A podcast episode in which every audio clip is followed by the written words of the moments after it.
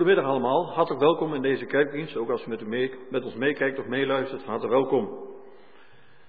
Tanja Langevoort heeft ontheffing gevraagd van haar benoeming in het ambt van ouderling. De kerkraad heeft gehoord de reden deze ontheffing ook verleend. De kerkraad gaat zich verder beraden over de ontstaande situatie. De opertest is aangevraagd door broeder en zuster Luc en Teunie Leuzink vanwege hun verhuizing naar Demerswaard. De eerste viering van het heilige avondmaal het nieuwe jaar zal niet plaatsvinden op zondag 7 januari, maar op zondag 14 januari. Het nieuwe jaar willen we als gemeente samen beginnen. Op nieuwjaarsdag zijn jullie vanaf 15.30 uur welkom voor koffie, thee en een lekkere oliebol. Van 15.45 uur tot ongeveer half vijf zullen we samen verschillende liederen zingen. Een mooi begin voor het nieuwe jaar. In deze dienst gaat voor kandidaat Laurens Odding uit Arnhem. Nog een gezegende dienst toegewenst.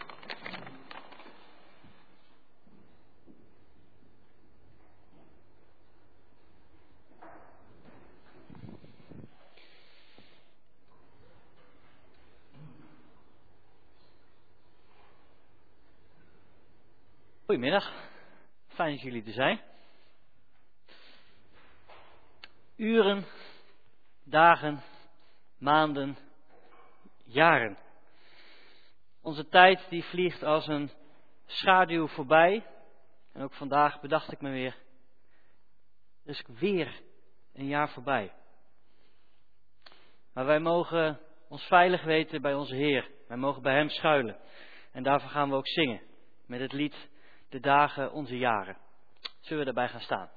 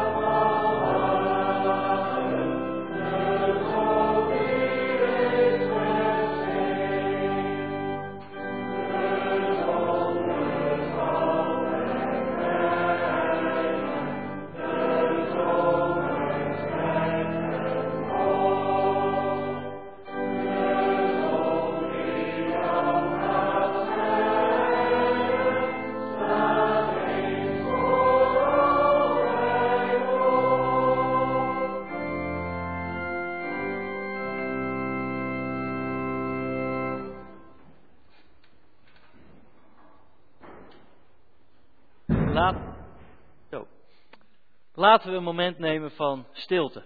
Kostbare tijd en ruimte om tot jezelf te komen en als je wilt, tot God.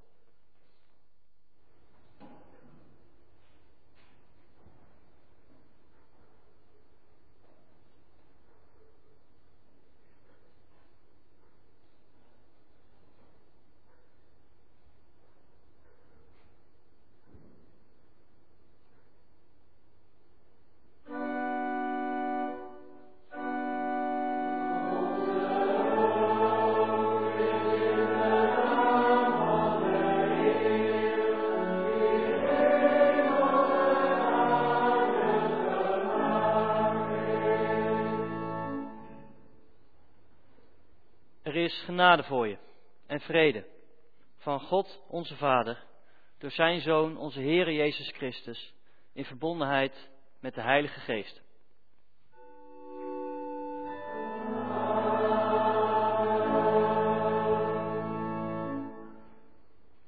Laat zitten.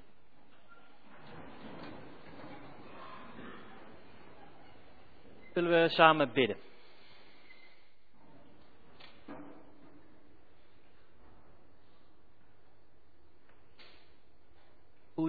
God, onze Vader in de hemel. Deze laatste kerkdienst van het jaar roepen we ook u weer aan. Dit is zo'n moment waarop we beseffen dat er weer een jaar voorbij is. Onze uren, dagen, maanden en jaren, ze vliegen voorbij als een schaduw. En dan danken we, we danken u dat we bij u mogen schuilen. Dat u ons leven leidt, dat we bij u ons veilig mogen weten. Want u bent bij ons. Soms merken we dat heel duidelijk, heel dichtbij. En op andere momenten deelt u onnoemelijk aanwezig ons bestaan. En op u hopen wij.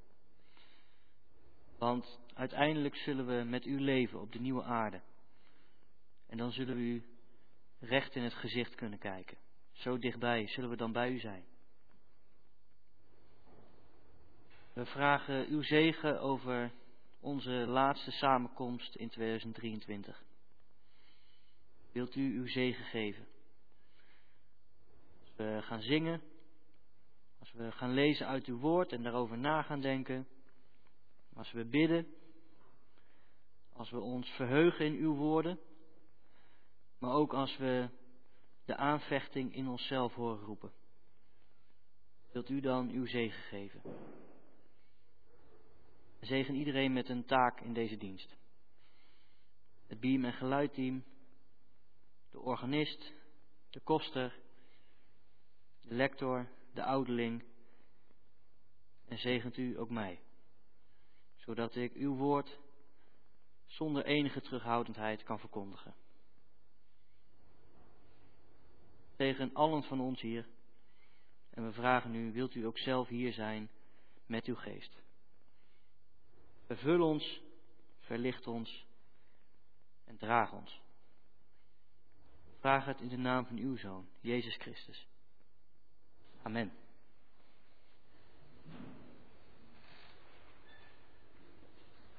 Wij gaan uh, samen zingen en er zal ook met ons gelezen worden. Gelezen worden. Dat zal uh, Akkie met ons doen. En dat gaat uh, nou, vanzelf achter elkaar door. En dat zal zich vanzelf wel wijzen.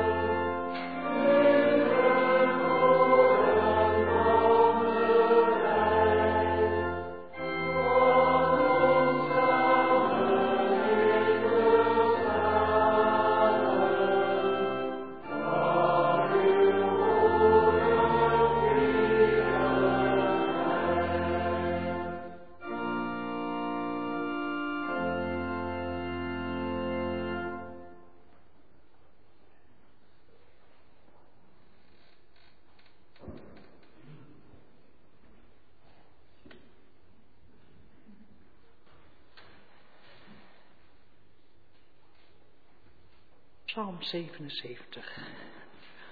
Voor de koorleider op de wijs van Jeduten van Asaf een psalm. Luid roep ik God, ik schreeuw het uit. Luid roep ik God, dat Hij mij hoort. Op de dag van mijn nood zoek ik de Heer. Bij nacht hef ik mijn handen rusteloos. Mijn ziel laat zich niet troosten. Ik denk aan God en moet zuchten. Mijn gedachten vermoeien mijn geest. U laat me mijn ogen niet sluiten. Van onrust vind ik geen woorden. Ik zie terug op voorbije tijden, op de dagen en jaren van vroeger. Bij nacht denk ik aan mijn spel op de snaren. Mijn hart zoekt, mijn geest vraagt. Zou de Heer voor eeuwig verstoten? Zou Hij niet langer lief hebben? Is zijn trouw voor goed verdwenen? Zijn woord voor eens en altijd verstond? Vergeet God genadig te zijn? Verbergt zijn ontferming zich achter zijn toorn? En ik zeg, ik weet wat mij kwelt. De hand van de Allerhoogste is niet meer dezelfde.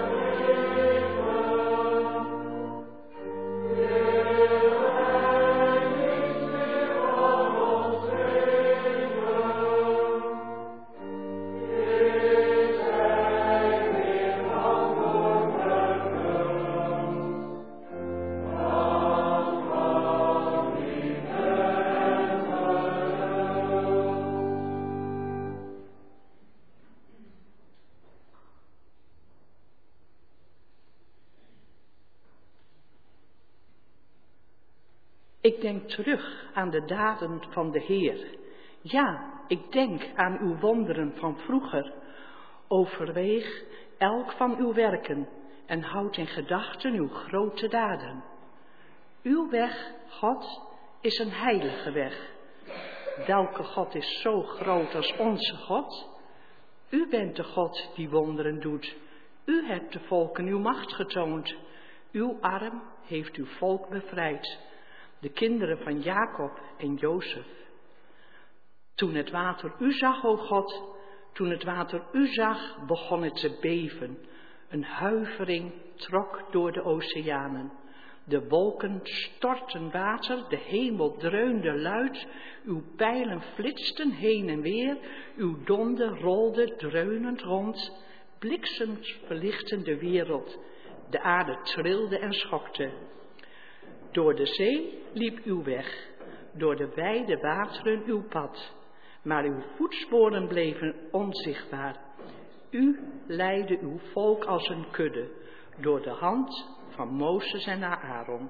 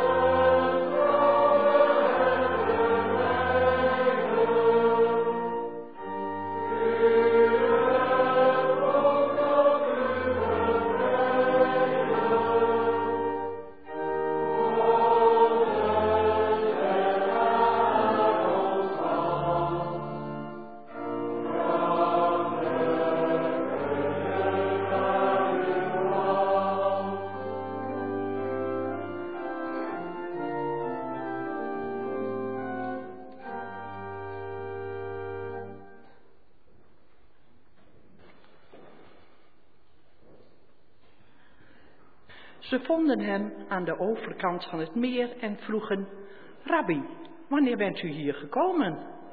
Jezus zei, werkelijk, ik verzeker u, u zoekt me niet omdat u tekenen hebt gezien, maar omdat u brood gegeten hebt en verzadigd bent. U moet geen moeite doen voor voedsel dat vergaat, maar voor voedsel dat blijft en eeuwig leven geeft. De mensenzoon zal het u geven, want de Vader, God zelf, heeft hem die volmacht gegeven. Ze vroegen, wat moeten we doen? Hoe doen we wat God wil? Dit moet u voor God doen, geloven in Hem die Hij gezonden heeft, antwoordde Jezus. Toen vroegen ze, welk teken kunt u dan verrichten? Als we iets zien, zullen we in u geloven. Wat kunt u doen?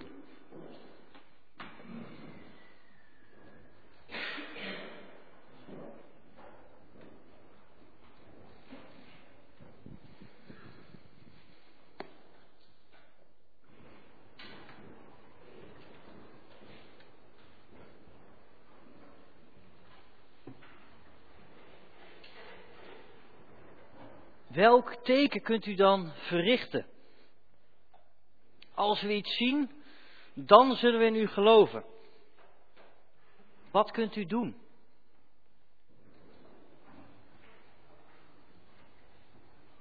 Waar was God in 2023? Waarin heb je Gods hand kunnen zien dit jaar? Waar heb je een een teken gezien dat God macht heeft, dat Hij bestaat.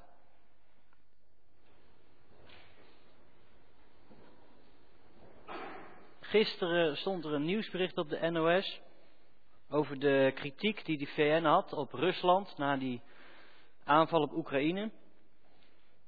En daarin stond een zinnetje dat bij mij bleef haken. De VN betreurt het dat in dat 2023 eindigt zoals het begon.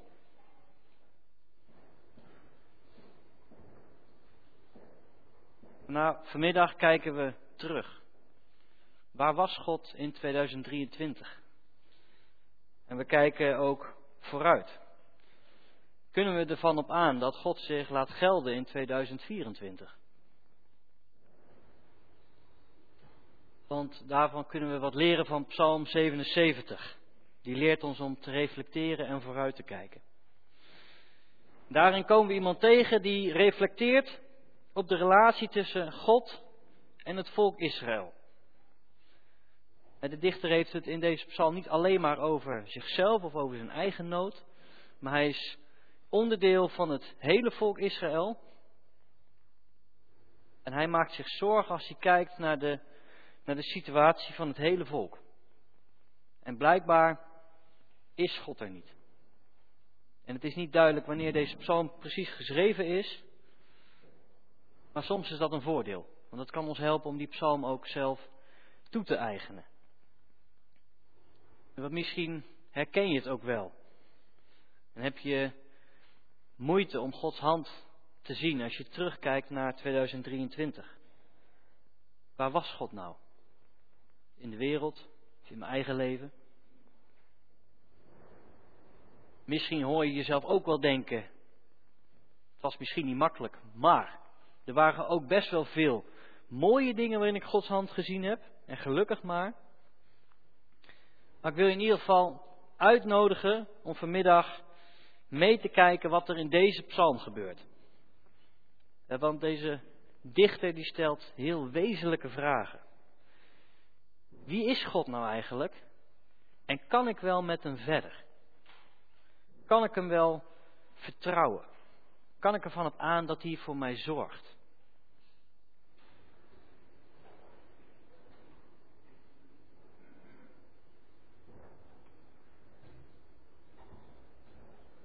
En is dat eigenlijk ook niet een beetje een gekke vraag om te stellen? Mag je zo'n vraag eigenlijk wel stellen? Nou, ik moet zeggen, ik zou zelf die vragen ook niet zo heel snel op die manier stellen, waar het niet dat die dichter van Psalm 77 dat zo doet. Dan moet je ook eens kijken wat hij allemaal in de eerste helft van die psalm zegt. Luid roep ik God. En bij nacht hef ik mijn handen rusteloos naar omhoog. Mijn ziel laat zich niet troosten. God laat mij mijn ogen niet sluiten. En van onrust vind ik geen woorden. En op een gegeven moment zegt hij zelfs: Ik denk aan God en ik moet zuchten. Zo. Dat heb ik nog nooit durven zeggen. Misschien heb ik het wel gedacht, maar ik heb het niet durven zeggen. En hij deinsde vervolgens ook niet voor terug om ja, die wezenlijke vragen te stellen, om hele scherpe vragen te stellen. Zou de Heer dan voor eeuwig verstoten? Zou hij dan niet langer lief hebben? Is zijn trouw voor goed verdwenen? Is zijn woord dan voor eens en altijd verstomd?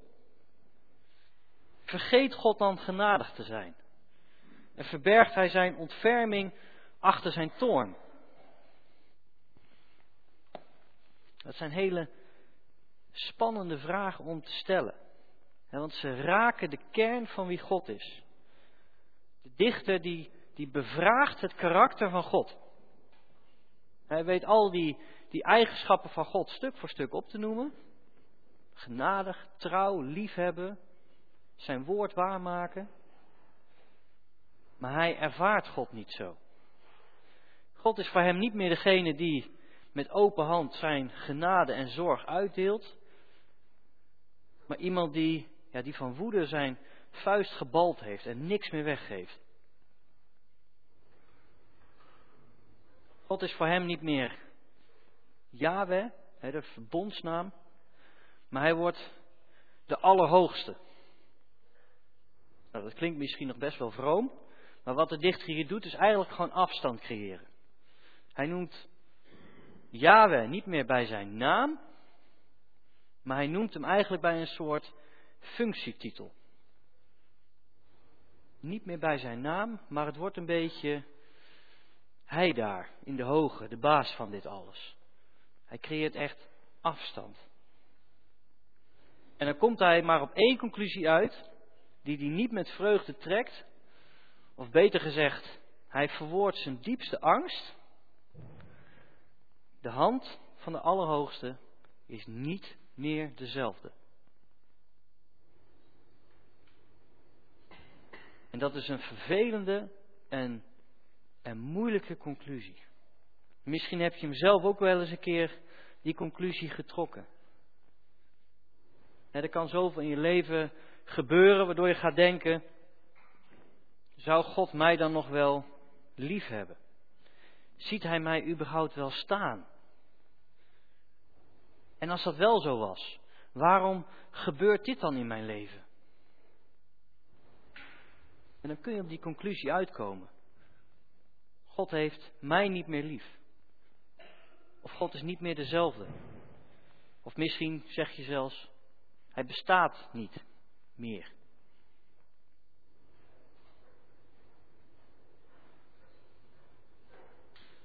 toch kunnen we hier iets heel waardevols leren van de dichter.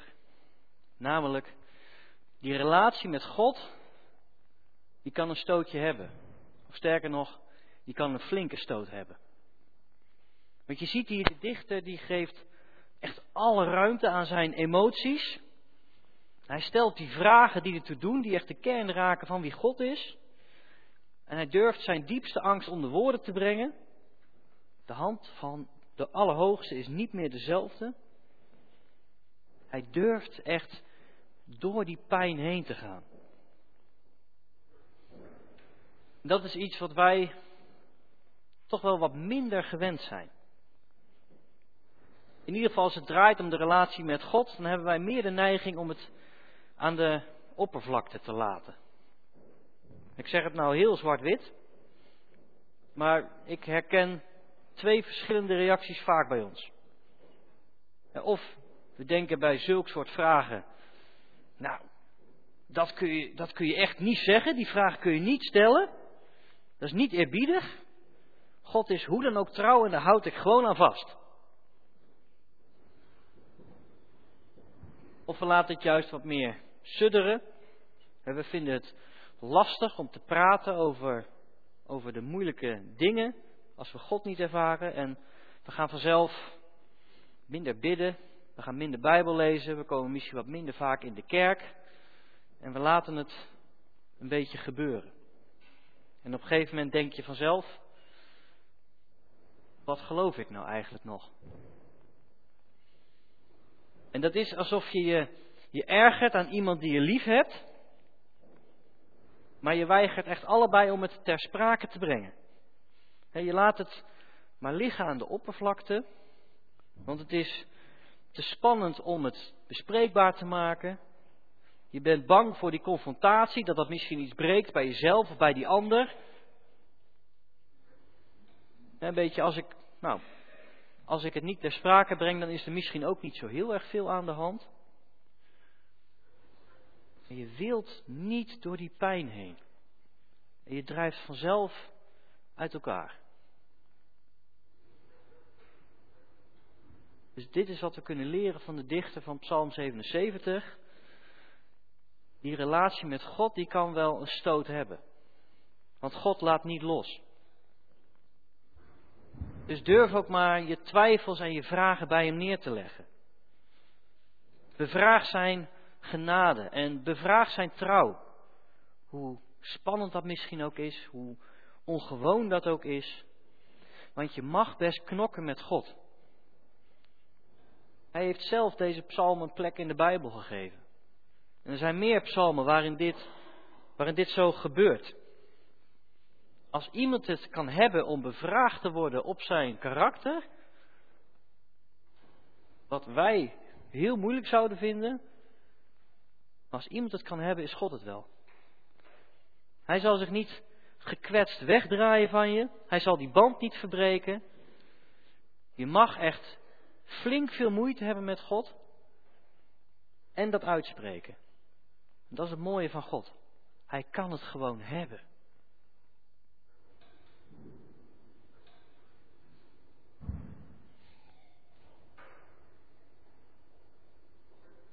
En ik denk, en daarom lazen we de psalm ook in twee gedeeltes, dat na vers 11, na die pijnlijke conclusie, dat er best even een pauze is gevallen. Dat het even stil is geweest.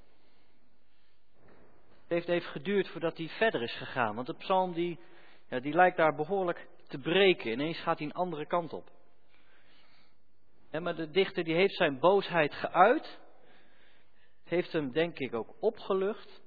En dat creëert ook weer ruimte voor nieuwe woorden. En dan bedenkt hij zich, de weg van God, dat is een heilige weg. Dat is een belangrijke wijsheid die de dichter hier meeneemt. En dat zijn Gods eigen woorden in Jesaja 55, vers 9. Want zo hoog als de hemel is boven de aarde, zo ver gaan mijn wegen, jullie wegen te boven, en mijn plannen, jullie plannen. Zelfs als Yahweh niet meer herkenbaar is als Yahweh, de God die we kennen van de Bijbel, maar je kunt hem nog slechts maar aanduiden met een, met een functietitel. Of je noemt Yahweh God zonder te weten wat dat dan precies inhoudt. Dan is dit wijsheid. Dat je de verhouding tussen mens en God, het hoogste wezen wat er is, dat je die verhouding altijd blijft respecteren. Dan creëer je ruimte om nieuwe dingen te leren over wie God is. En vervolgens denkt de dichter dan ook aan een van Gods heilige wegen uit het verleden. Hij denkt aan de doortocht door de Schelfzee. Laten we eens teruggaan naar dat moment. Het volk Israël dat was zwaar de pineut. Ze waren weggetrokken uit Egypte. Ze waren uit de slavernij. Ze hadden hun kamp opgeslagen vlak bij de zee. Maar ze konden dus niet verder vooruit, want je kunt niet zomaar de zee intrekken. Maar ze konden ook niet meer achteruit, want de farao die had spijt gekregen dat hij zijn slaven zomaar had laten gaan. En die was met een leger erachteraan gegaan om ze allemaal terug te halen. Ze kunnen niet vooruit en ze kunnen niet achteruit. En de dichter ziet het opnieuw voor zich. En hij beschrijft het hier nog veel groter dan je kunt lezen in Exodus 14. Hij zegt het, het water begon te beven toen het u zag. En er trok een huivering door de oceaan. En bakken met regen komen eruit intens donkere wolken naar beneden. De hemel dreunde. De donder van God rolde rond. En overal licht flitste en de aarde trilde en schokte. Enorm indrukwekkend. Want Gods weg liep daarna door de zee heen.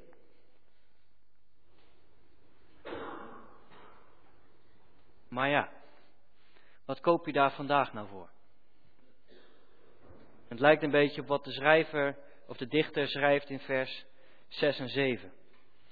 Ik denk terug aan die tijden van vroeger. Toen ik nog speelde met de snaren. Toen hij nog liederen speelde. Wat koop je daar nou voor? Dat was toen. Wat moet je daar vandaag nou mee?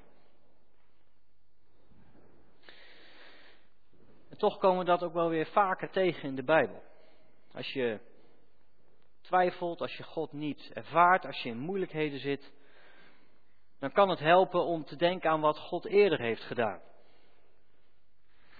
En wij zeggen in de kerk ook wel eens, als God eerder zijn belofte heeft vervuld, dan zal hij dat ook weer opnieuw doen.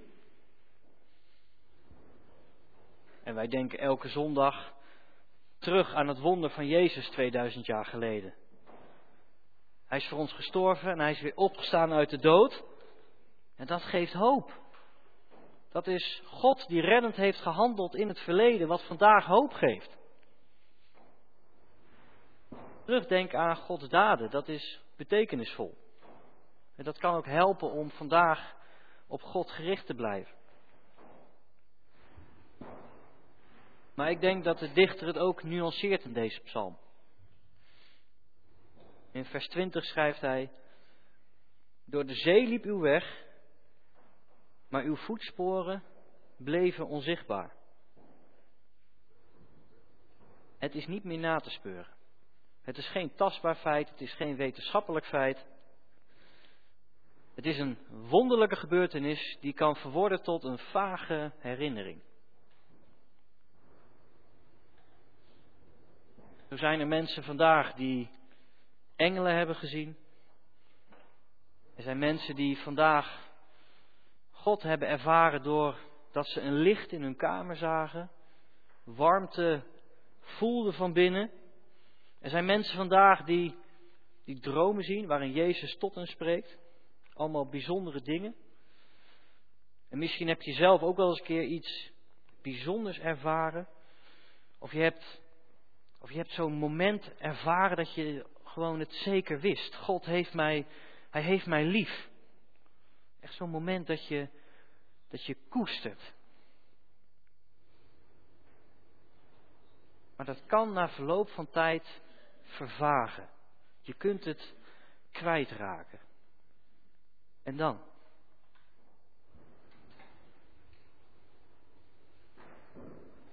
Het einde van deze psalm, die is heel erg plots. En op een eerste gezicht vind ik best onduidelijk zinnetje. U leidde uw volk als een kudde door de hand van Mozes en Aaron. Dat is het dan. Dan houdt het ineens op. Je hebt eerst een enorm groot spektakel en dan zo'n zinnetje. Dus echt een, een anticlimax na een climax. De meeste commentaren die houden het erop dat het goed is om terug te denken aan wat God eerder heeft gedaan. En dan zeggen ze, nou in de tijd van Mozes en Aaron deed God ook wonderen. Nou, dat klopt.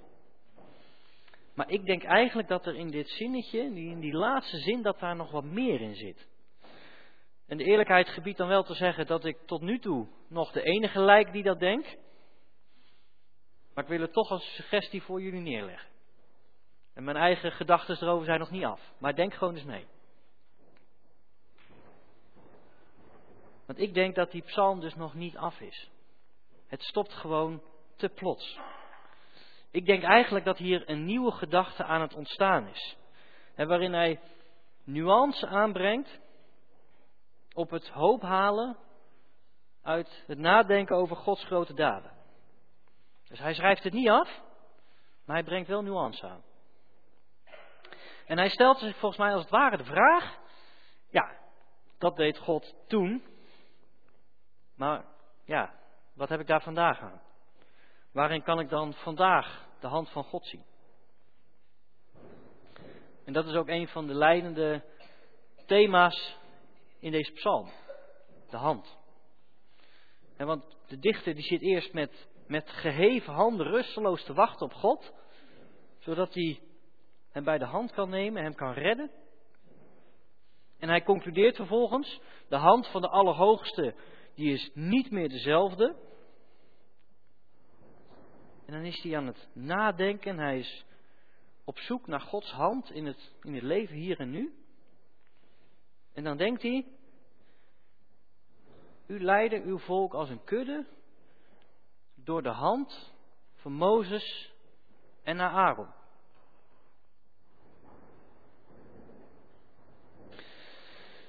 hoe bijzonder het ook kan zijn wat je hebt meegemaakt hè, voor het volk Israël, die, die wonderlijke weg door de zee, of wat je misschien zelf hebt meegemaakt, het kan niet blijven bij verwondering. Daarna komt het duurzaam op weg zijn met, met God zelf en met de kudde van gelovigen. Dat is volgens mij wat er in die laatste zin hier gebeurt. En dat is volgens mij ook wat Jezus duidelijk wil maken aan de menigte en zijn leerlingen. We lazen uit Johannes 6. Net daarvoor heeft Jezus 5000 mensen gevoed. Met vijf broden en twee vissen. Daarna zijn zijn leerlingen nog over het meer gaan varen en Jezus liep over het meer. Allemaal grootste dingen waar je over verwondert. En de mensen, ja, die zijn verwonderd en die rennen ook achter hem aan. Dit is bijzonder, die man moeten we volgen. En dan legt Jezus uit, het gaat niet om die wonderen, het gaat niet om die verwondering, daar zit het hem niet in. Het gaat om geloof. Het gaat om telkens opnieuw weer dat overdenken van die boodschap van Jezus. Het gaat erom dat je meetrekt met de kudde van gelovige mensen.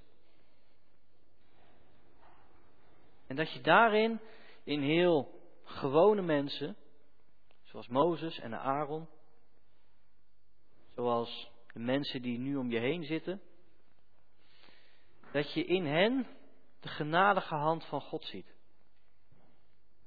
Dat je in hen iets van Jezus ziet.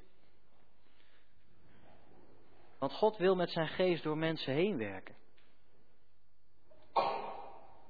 En misschien is dat dan wel het meest bijzondere van die heilige weg van God. Dat Hij, dat, dat hij onze wegen ver te boven gaat. Dat Hij met zijn geest door de mens heen wil werken. Allereerst door Jezus Christus zelf, de mens, mens geworden God, maar vervolgens dat Hij ook met zijn geest in ons wil werken, zodat Jezus in ons ook vandaag zichtbaar wordt. En dat vonden de mensen in de tijd van Jezus echt, echt onbegrijpelijk. Zij vroegen constant om, om tekenen. Wat kunt, u dan, wat kunt u dan doen? Als u een teken kunt doen, dan geloven we. Ze konden zich echt niet voorstellen dat God zich kenbaar zou maken in een mens. Dat is bizar. En dat is ook bizar. Dat God mens werd. Onbegrijpelijk. Dat is die heilige weg van God. En het is ook bizar dat God vervolgens ook met zijn geest door ons heen wil werken. Om zich kenbaar te maken aan de wereld hier vandaag. Door mij, door jou, door de mensen om je heen. Door de mensen van wie je het niet verwacht en zelfs als je het niet van jezelf verwacht.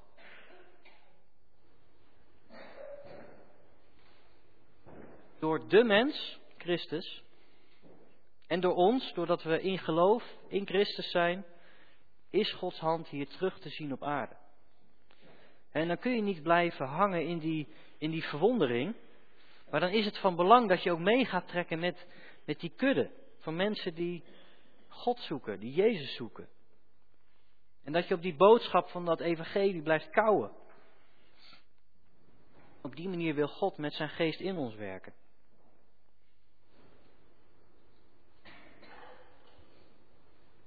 Wie is God? En kun je met hem verder in 2024? Psalm 77 leert ons dat Gods wegen heilig zijn. Ze gaan ons de pet ver te boven. En het is wijsheid om die verhouding te respecteren. En als we dat lastig vinden en Gods wegen niet begrijpen, dan laat God zich bevragen. Dat vind ik in ieder geval bevrijdend. Dat ik niet bang hoef te zijn dat ik de verkeerde vraag stel, maar dat hij zich laat bevragen. En dat is dan niet omdat wij nou zoveel wijzer zouden zijn dan God, maar gewoon wat die relatie van zijn kant zo sterk is, dat hij dat kan hebben. Hij laat niet los. En hij is een God die die groots en reddend kan optreden, maar vooral ook als een herder wil zijn. En ons wil wijden, hij wil verbonden zijn met ons. En dat zie je niet altijd, maar in die bijzondere dingen. Dat zit soms in dat hele gewone. De God van de Bijbel is iemand die zichzelf laat kennen door de mens, door Jezus Christus. Dat is onvoorstelbaar. En ook vandaag kunnen wij Christus ontmoeten in elkaar. Doordat we ons telkens weer laten voeden door dat evangelie en met elkaar optrekken als de kudde van de Heer. de vraag is, kun jij verder met zo'n God? Amen.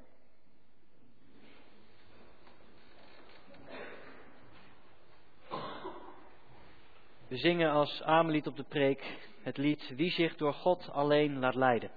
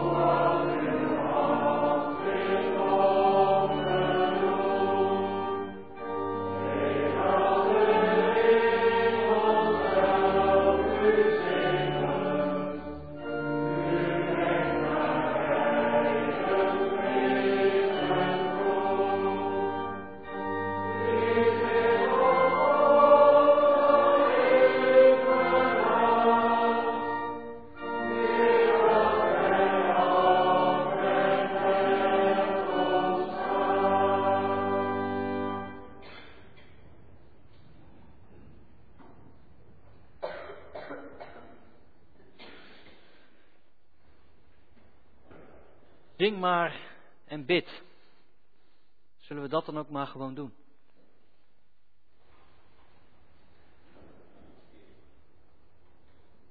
Onze Vader in de hemel. We danken u voor wie u bent. We danken u voor het offer van uw zoon.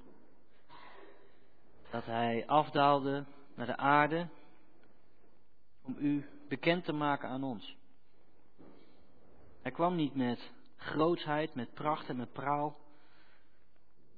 Maar we vierden met kerst dat hij kwam als een baby. Zoals ik wij ook allemaal ter wereld gekomen zijn. de redder van de wereld, kwetsbaar en klein. En juist in dat kleine, daarin zit uw grootheid. Want we mogen u, Jabe, ontdekken in het, in het gelaat van een mens. De mens, Jezus Christus. We mogen u ontdekken in wonderlijke gebeurtenissen, maar ook zeker in de mensen om ons heen, die iets van u laten zien. En zo danken we voor de gemeente waarvan we lid zijn. We danken dat u ons aan elkaar geeft. Om samen te zoeken, te zingen, te bidden, te leren. Ook dit jaar zijn er weer vele diensten geweest in dit gebouw. Er zijn vele activiteiten georganiseerd, hier binnen, maar ook daarbuiten. We danken dat u ons aan elkaar hebt gegeven, zodat we om kunnen kijken naar elkaar en voor elkaar kunnen zorgen. We u voor de vele kinderen die lid zijn van deze gemeente. In wie het geloof zo onbetwijfeld aanwezig kan zijn. Wat een zegen. We danken u voor de ouderen in deze gemeente. In wie veel levenservaring zit. En vaak ook al een lange weg zijn gegaan met u. Wat een zegen. We danken u voor de jongeren in de gemeente. Die kunnen rebelleren. Die nieuwe ruimte kunnen scheppen. Om nieuwe dingen over u te leren. Wat een zegen. En we danken u voor alle volwassenen in de gemeente. Die vaak niet voor zichzelf leven, maar voor hun kinderen. Of juist voor hun ouders. Of voor wie dan ook maar in de gemeente. Zonder hen zou zoveel werk niet gebeuren. Wat een zegen dat zij er zijn hier. We danken u voor al het goede en het mooie dat u gegeven hebt. We danken u voor de schoonheid van de dingen waarin we uw karakter weerspiegeld zagen. En we vragen u ook vergeving over alles dat niet goed ging in het samenleven als gemeente. Als we elkaar compleet verkeerd begrepen. Als we elkaar niet wilden begrijpen. Als we meer bezig waren met onszelf dan met een ander. Als we vasthielden aan onze eigen overtuigingen en aan onze eigen zienswijze. Of als we vooral veel kwamen halen en niet zoveel wilden geven. En ook als we wel heel erg graag wilden. We wilden geven en leren en begrijpen en liefhebben. Maar soms lukt het gewoon niet. We zeggen sorry tegen u en we vragen u om vergeving. Zoals ook wij elkaar en anderen vergeven hebben.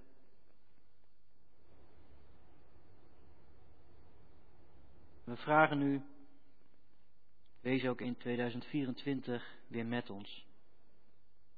Blijf werken in ons en in de wereld. Want als we kijken naar de wereld, dan zien we veel pijn en leed. Vaak veroorzaakt door ons mensen.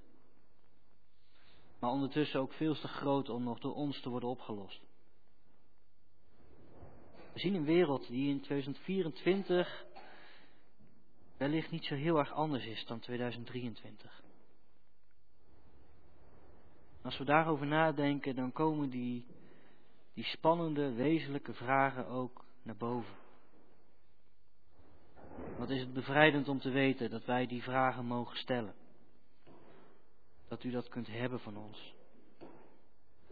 Daarom vragen we ook, Allerhoogste, uw trouw. Is die dan verdwenen? Uw genade, bent u, bent u die soms vergeten? Weet u niet meer wat liefhebben is? Verstoot u dan mensen? Is uw woord dan niks meer waard? En is uw ontferming dan verborgen achter uw toorn. We bidden en we smeken u. Ontferm u, Heer, en grijp in. Geef vrede hier op aarde. Zodat wij elkaar weer van mens tot mens zullen zien.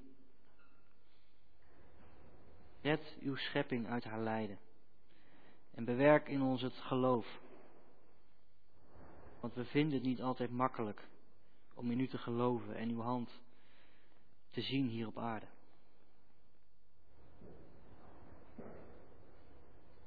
Als we zo die vragen voor u leggen, dan bedenken we ons ook, uw weg is een heilige weg. Uw weg gaat onze pet te boven. Wij kunnen niet tippen aan uw wijsheid. En zolang we nog moeten wachten op uw terugkomst, vervul ons dan met uw geest. Geef ons moed, kracht, geduld en uw vrede om vol te houden en een licht te zijn in de wereld. En wilt u dan ook onze collecte zegenen voor de zending? Wilt u geven dat het geld goed terechtkomt en dat op de plekken waar het nodig is, dat u bekend wordt gemaakt. En dat er ook geloof ontstaat. Wilt u vanavond met ons zijn bij de jaarwisseling? Als we met vrienden zijn of familie, geef ons een fijne avond. En wees ook bij ons als we juist alleen zijn. Misschien vinden we dat fijn, maar misschien zijn we ook tegen onze zin alleen en voelen we ons eenzaam. Wilt u dan bij ons zijn? Want we zongen net al, wie zich op u verlaat, weet dat u altijd met ons gaat. Overtuig onze ziel van die woorden, Vader. En geef ons als gemeente ook de ogen om naar elkaar om te zien en bij elkaar te zijn. Wees bij ons alle, Heer. Deze avond en ook weer in het nieuwe jaar. Dat vragen we niet omdat we het verdienen, maar in de naam van uw Zoon, Jezus Christus. Amen.